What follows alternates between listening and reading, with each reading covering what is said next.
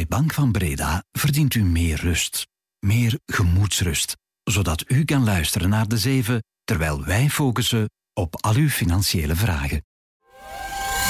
Welkom bij de Zeven van de Tijd. Elke dag om 7 uur onze blik op de zaken in 7 punten. Dit is Bert Rijmen. Goedemorgen. Wat wordt er nieuws deze week? Op maandag blikken we daar stevast op vooruit met een gast. Deze keer is dat Marion de Bruyne, de decaan van de Vlerik Business School. Goedemorgen Marion. Dag Bert. Deze week komen we al iets meer te weten over de nieuwe staatsbon in december. Wordt het opnieuw een concurrent voor de spaarboekjes van de banken? Spannende dagen ook op komst voor president Biden. Dinsdag een nieuw Amerikaans inflatiecijfer. Woensdag een zeldzame tijd-à-tijd met Chinees president Xi. En vrijdag alweer een dreigende overheidsshutdown. Hier in eigen land kijken we uit naar de verschillende beleggersdagen. Niet in het minst die van Solvay. Het is de laatste voordat de chemiereus in tweeën splitst. Volgende maand. Het is maandag 13 november. Welkom. De Zeven van de Tijd. 1. Komende vrijdag komen we meer te weten over de nieuwe staatsbon van december. Federaal minister van Financiën Vincent van Petegem heeft die vorige week aangekondigd. En vrijdag zal het agentschap van de schuld ons vertellen of er opnieuw eentje wordt met een verlaagde roerende voorheffing en hoe lang die dan zal lopen, voor een jaar of langer. Met andere woorden, of het opnieuw een concurrent wordt voor de spaarboekjes van de banken, zoals die staatsbon van september. Die was enorm populair. De staat verzamelde toen zo'n 20 miljard euro en succes zorgde er, laten we zeggen, hier en daar voor dat banken hun spaarrentes wat optrokken. Maar een echte revolutie uh, van die spaarrentes uh, is er niet gebeurd toen. Nu misschien dus een nieuwe staatsbon om die banken wat verder aan te porren, Marion?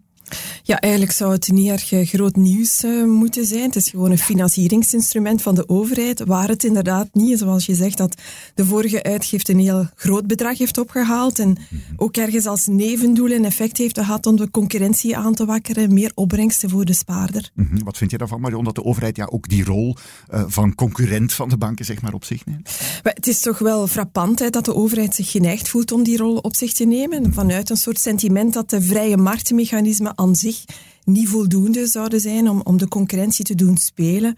Wat daar misschien minder wordt bij aangestipt, is dat dat ook komt doordat wij als Belgen heel trouw zijn aan onze, ja. onze banken. Er is eigenlijk weinig uh, mobiliteit. -hmm. Want in principe zijn wij natuurlijk vrij om ons geld te nemen en te verplaatsen naar de hoogste bieder. Maar we kijken wat holistischer uh, en er zit ook een grote inertie in, in ons gedrag. Mm -hmm. Dat is op zich niet slecht. Dat heeft ook een, een heel positieve kant, hè, want het zorgt ook voor stabiliteit. En daar zijn we als maatschappij toch ook wel mee gebaat. 2. Deze week zal allicht draaien rond het gevecht om Gaza-stad tussen het Israëlische leger en de terreurgroep Hamas.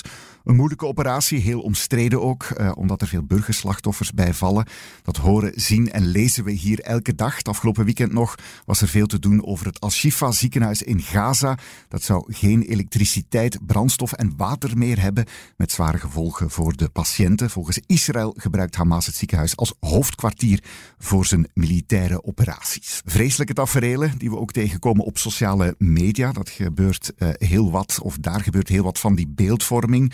Maar ja, dat zijn beelden die we ja, op die verschillende platformen tot ons uh, uh, komen. Um, beelden die ook pakken. Hoe kijk jij naar die beeldvorming en hoe die ja, toch langs beide kanten kunnen we zeggen wordt georganiseerd?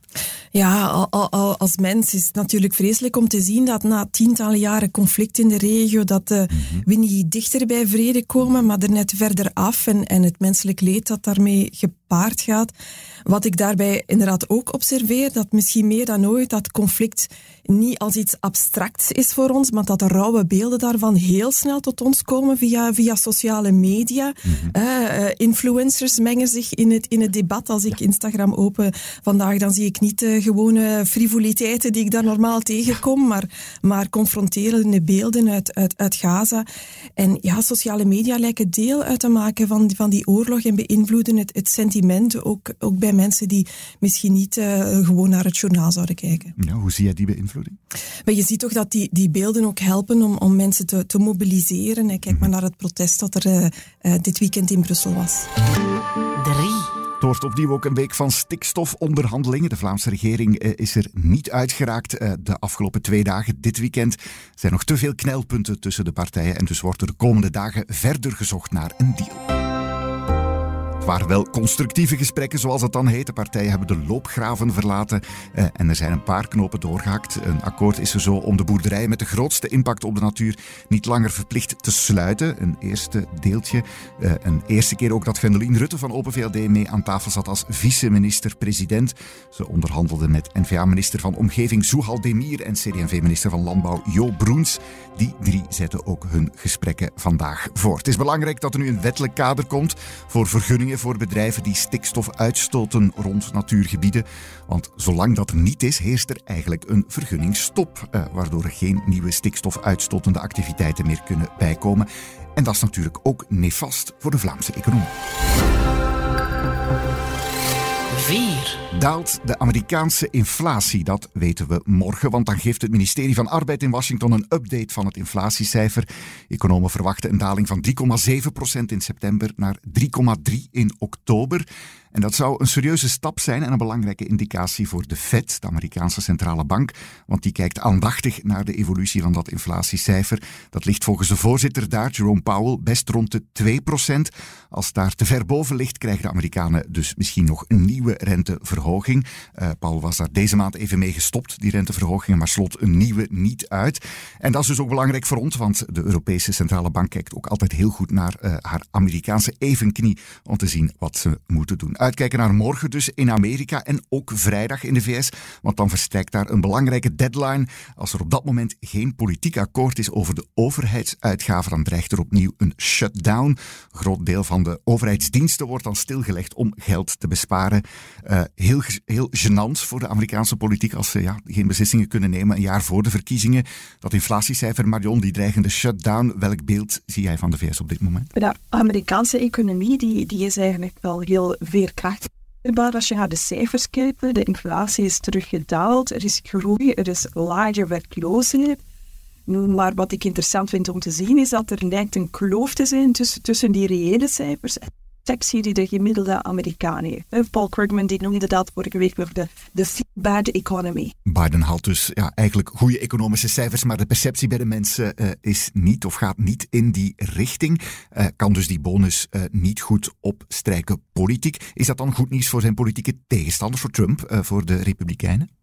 Wel, aangezien er presidentsverkiezingen zitten aan te de Republikeinen, er is eigenlijk alle belang om die perceptie aan te wakkeren, hè, dat het economisch niet zo goed gaat. Ik denk dat dat ook meezorgt voor die kloof tussen perceptie en, realiteit. Een groot deel van de Amerikanen die gelooft ook simpelweg de officiële cijfers eh, niet. Dat het slecht zal gaan met de Amerikaanse economie, dat is echt het fake news. Vijf. Uitkijken ook naar woensdag, want dan zullen president Biden en Chinees president Xi elkaar nog eens face-to-face ontmoeten. Nog maar de tweede keer sinds die alle twee president zijn. De ontmoeting is dat, of is een van de geplande hoogtepunten uh, op de APEC-top tussen de landen rond de Stille Oceaan. Uh, met politieke en economische banden. De VS en China zijn daar natuurlijk de big players. Maar de relaties tussen die twee zijn, laten we zeggen, niet zo top op dit moment. Amerikanen ondersteunen de onafhankelijkheid van Taiwan. Dat China dan weer beschouwt als een soort afvallige provincie. En dat het volgens veel waarnemers mogelijk plant binnen te vallen binnen afzienbare tijd. Uh, daar zullen Biden en Xi het natuurlijk over hebben. Nog onvermijdelijk oorlog in Oekraïne, natuurlijk Gaza ook. Maar het zal ook gaan over de marktconcurrentie tussen de twee grootmarkten. Uh, een soort economische koude oorlog uh, lijkt daar tussen die twee gaande te zijn. hopen misschien op een soort ontdooiing van die koude relaties tussen de VS en China. Punten voor Biden, Marion, als hij daarin zou slagen? Wel, wel Biden die wordt door de Republikeinen aangeport om, om hardere standpunten in te nemen tegenover China. De relatie te verharden in plaats van te verzachten. Maar we zouden wellicht toch eerder gebaat zijn bij een model wat ik dan co-opetition zou noemen. Hè. Mhm. Concurrenten die toch een modus vivendi vinden om, om samen te werken. Dat is ook waar eh, Janet Yellen recent voor, voor pleitte, heel expliciet. En, en wat is dat dan precies? Of waarom uh, zou dat een goede zaak zijn? Wel, dat, dat is natuurlijk ook uh, voor een stukje eigenbelang hè, van, uh, van de US. Economisch is en blijft China een zeer grote markt. Nogal wat Amerikaanse bedrijven hebben er belang bij dat die ook toegankelijk blijft voor hen en dat er duidelijkheid wordt gegeven dat China wel degelijk open for business is. Mm -hmm. En er zijn ook daarbovenop kritische afhankelijkheden. Hè. China wordt wel eens de fabriek van de wereld genoemd. En al zien we in een aantal sectoren toch wel een verschuiving richting een industriële ontkoppeling. Bijvoorbeeld in elektrische batterijen gebeurt dat. Maar die ontkoppeling die is nog verre van de realiteit. En een, volledige ontkoppeling wellicht ook, ook niet wenselijk. Mhm, dat is economisch, Marion. maar we hadden het ook al aangehaald. Er zijn ook al die oorlogsfronten, het lopende en in het geval van Taiwan misschien dreigende conflicten zal ook op tafel komen. Wel, eh, gezien inderdaad de conflicthaarden die branden in de wereld, eh, voel ik mij persoonlijk veiliger met een US en China die dichter bij elkaar komen te staan dan uh, verder. 6. Deze week heel wat om naar uit te kijken, ook voor onze beleggerredactie en de beleggers onder de luisteraars natuurlijk. Want een hele rits bedrijven houdt een beleggersdag. Daarop worden inzichten en strategieën vanuit bedrijven gedeeld met beleggers en analisten. Uh, degene waarbij we bij de tijd misschien het meest naar uitkijken, is er vandaag al de beleggersdag van chemiegigant Solvay. Die splitst volgende maand op. Enerzijds in, laten we zeggen, een traditioneel chemiebedrijf Solvay. Anderzijds een soort spitstechnologische spin-off, ScienceCo. Uh, is dat een goed idee? Wat is de strategie precies? En wat met die record cash bonus voor de CEO daar? Uh, later vandaag kunnen de beleggers en analisten van Solvay dus het vuur aan de schenen leggen. Uh, hoe kijk jij eigenlijk naar die splitsing, uh, Marion? Wat zit daarachter? Wel, het maakt eigenlijk heel, heel transparant hè, hoe onder die ene vlag Solvay eigenlijk twee soorten activiteiten zitten die een, ook een andere strategische aansturing vragen. Hè. Die gaan dat doen onder de naam Solvay en Science Co. Maar eigenlijk waren de initiële werknamen Essentials Co en Specialty Co mhm. veelzeggender om die strategische insteek eh, weer te geven. Want je hebt aan de ene kant activiteiten die eerder richting commodity gaan, die op kost en cashflow moeten worden aangestuurd met een operational excellence model.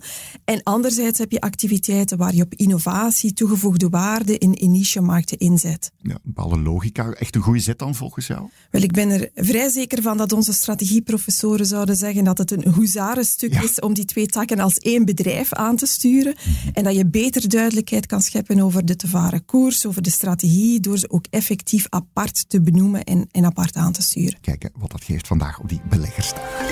7. Van Solvay is zoals gezegd lang niet de enige. Eh, er zijn er heel wat. Morgen bijvoorbeeld bij chipfabrikant Melexis. Woensdag bij scherm- en beeldvormingsrus Barco. En uh, van Renault's elektrische autodochter Ampère donderdag. Uh, en de IT-groep Econocom ook dan op donderdag, om er maar een paar te noemen. Eentje waar jij naar uitkijkt, Maron?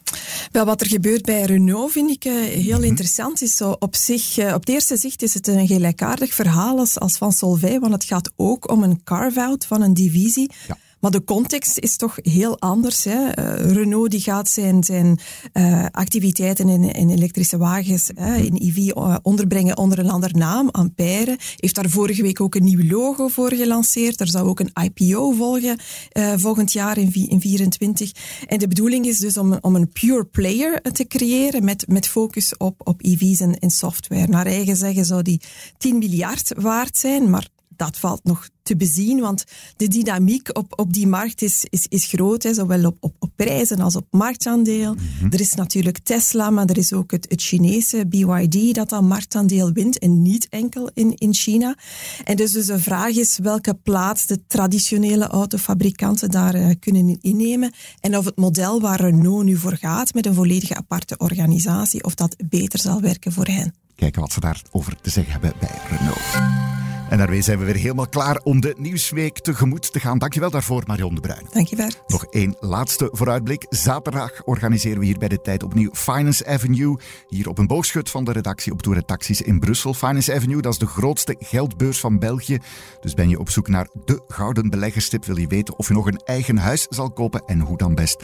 Of heb je altijd al zelf een vraag willen stellen aan minister van Financiën van Petegem? Het hoeft niet per se over de staatsbond te gaan. Kom dan langs. Gratis inschrijven kan nog altijd op financeavenue.be. Ik zal er ook zijn. Net als morgenochtend trouwens, dan heb ik weer een classic, De Zeven, voor je klaarstaan. Tot dan. Dit was De Zeven met Bert Rijmen. Productie door Roan van Eyck van op de redactie van De Tijd. Bedankt om te luisteren. Morgen zijn we er weer. Tot dan.